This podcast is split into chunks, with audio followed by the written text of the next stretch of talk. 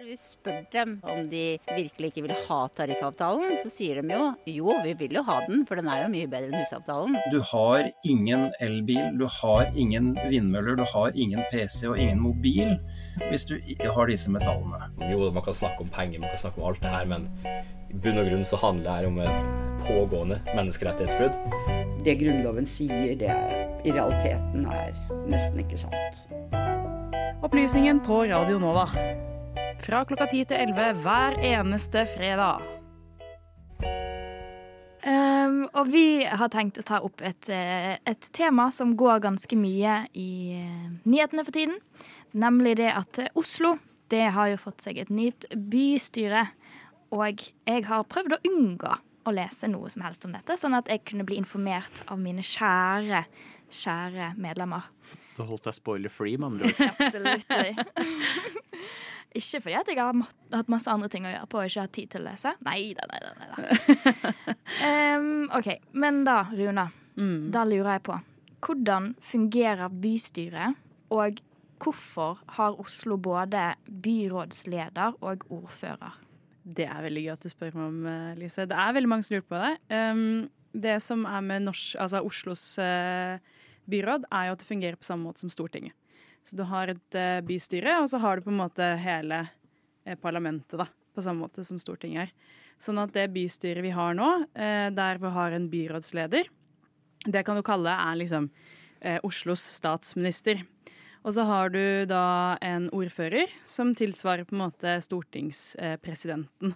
Så det er bystyrer, altså byrådsleder i Oslo, som har mest makt. Også derfor vi hørte veldig mye fra uh, Raymond Johansen og veldig lite fra Marianne Borgen. For hun har vært da ordstyrer i møtene deres, og derfor er ordfører. Mens han da har ledet byen. Men nå har vi jo fått et helt nytt bystyre, uh, som nå er et mindretallsbystyre. Uh, som da på en måte får muligheten til å ha makt fordi de får støtte fra nok av medlemmene eller partiene som sitter i byrådet. Så det er liksom det samme som Stortinget, da, at du kan ha en mindretallsregjering så lenge de får støtte fra flest partier. Uh, og du nevnte jo dette med at det var mindretallsre mindretallsregjering. Ja. um, og da lurer jeg på, Alexander, hvordan ser denne sammensetningen ut? Hvilke partier er det som sitter i lederstolen?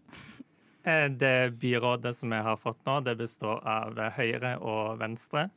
Eh, de styrer da med støtte fra eh, Fremskrittspartiet og KrF, som har inngått en samarbeidsavtale med, med byrådet, sånn at de kan styre. Ja. Og hvilken politikk kan vi her i Oslo forvente å se mer framover? Altså, det er helt tydelig at vi får en mer eh, privatiseringspolitikk. Eh, de åpner bl.a. for private barnehager. Eh, skal få lov til å styre igjen. Eh, og generelt sett vil ha mer eh, typisk høyrepolitikk, hvor du har da lavere skatter. Eh, de skal fjerne eiendomsskatten, bl.a. du får mer tilgang til privatisering osv. Og, så og dette er jo ting som jeg tror Frp spesielt kanskje er veldig fornøyd med. Eh, og som, sånn som du sa, at det er et byråd som ledes av Høyre med Venstre i, eh, tror jeg at vi får sett en del grønn politikk, kanskje, som vi ikke hadde fått sett dersom kanskje Frp var med. Sånn at eh, det er noen ting som er litt morsomt, som jeg syns kanskje kan være fint å ta opp. Og det er jo at de skal beholde denne, dette målet om 95 utslippsfritt Oslo. Det fortsetter de med. Eh, de har tenkt å gjøre kollektivtilbudet billigere. Jeg vet ikke om det gjelder for studenter, for det står det ikke noe om. Det står bare månedskortet for voksne. Og så har de tenkt å starte noe som heter Parkagrensa, som er å sikre at parker i Oslo blir freda, at de ikke får lov til å bygge ut der. Og så skal de i tillegg da bygge ut ekstra parker på Nydalen og Økeren. Det er i hvert fall noen av disse mer miljøtiltakene som de har, da, utover dette med privatiseringstiltak. Ja. Jeg er jo litt nysgjerrig som nylig innflytta Oslo-væring, eller hva de kaller seg her. Uh, uh, er dette bystyret, fungerer det annerledes enn i andre byer? Ja, uh, jeg lurer på om det bare er Nå husker jeg ikke hvilken annen by det er, om det er Bergen eller Stavanger eller noe sånt, men det er i hvert fall én annen by som har det på samme måte. Men utenom det så fungerer alle andre kommuner i Norge med at de har ordføreren som regjerende leder. De fungerer på en helt annen måte. Eh, men akkurat hvordan de er sammensatt, det har jeg ikke lest meg på, rett og slett. Ja, det, det er Bergen som har eh, parlamentarisme, i likhet med Oslo. Mm. Og så Trondheim de vedtok vel i går faktisk, tror jeg, at de òg skal innføre samme modellen. Oi. Ellers er det den såkalte formannskapsmodellen i Nei. alle andre kommuner. Er det noen fordeler med det? Godt spørsmål. Eh, jeg tror det Politisk, Ja. politisk styring er, trekker man ofte fram som en fordel. At eh, kommuneadministrasjonen ikke er så styr, mye styrt av byråkrater, men at det er mer eh, politikere som tar det ansvaret. Da kan òg velgerne stille de politikerne til ansvar ved valg etterpå.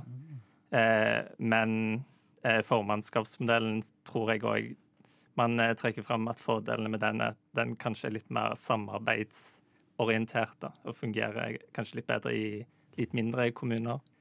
Mens eh, med parlamentarisme kan det bli kanskje litt steilere fronter. Men eh, fungerer kanskje bedre i en veldig stor kommune som Oslo. Mm. Har noen av dere navnet på eh, vår byrådsleder nå?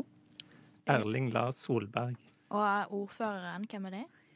Hun heter eh, nesten Lindmo, holdt jeg på å si. Det er sånn jeg husker det. Ah, Anne- han- er Lindbo. Lindbo. Ja, Ja. Med én bokstav forskjell. Ja.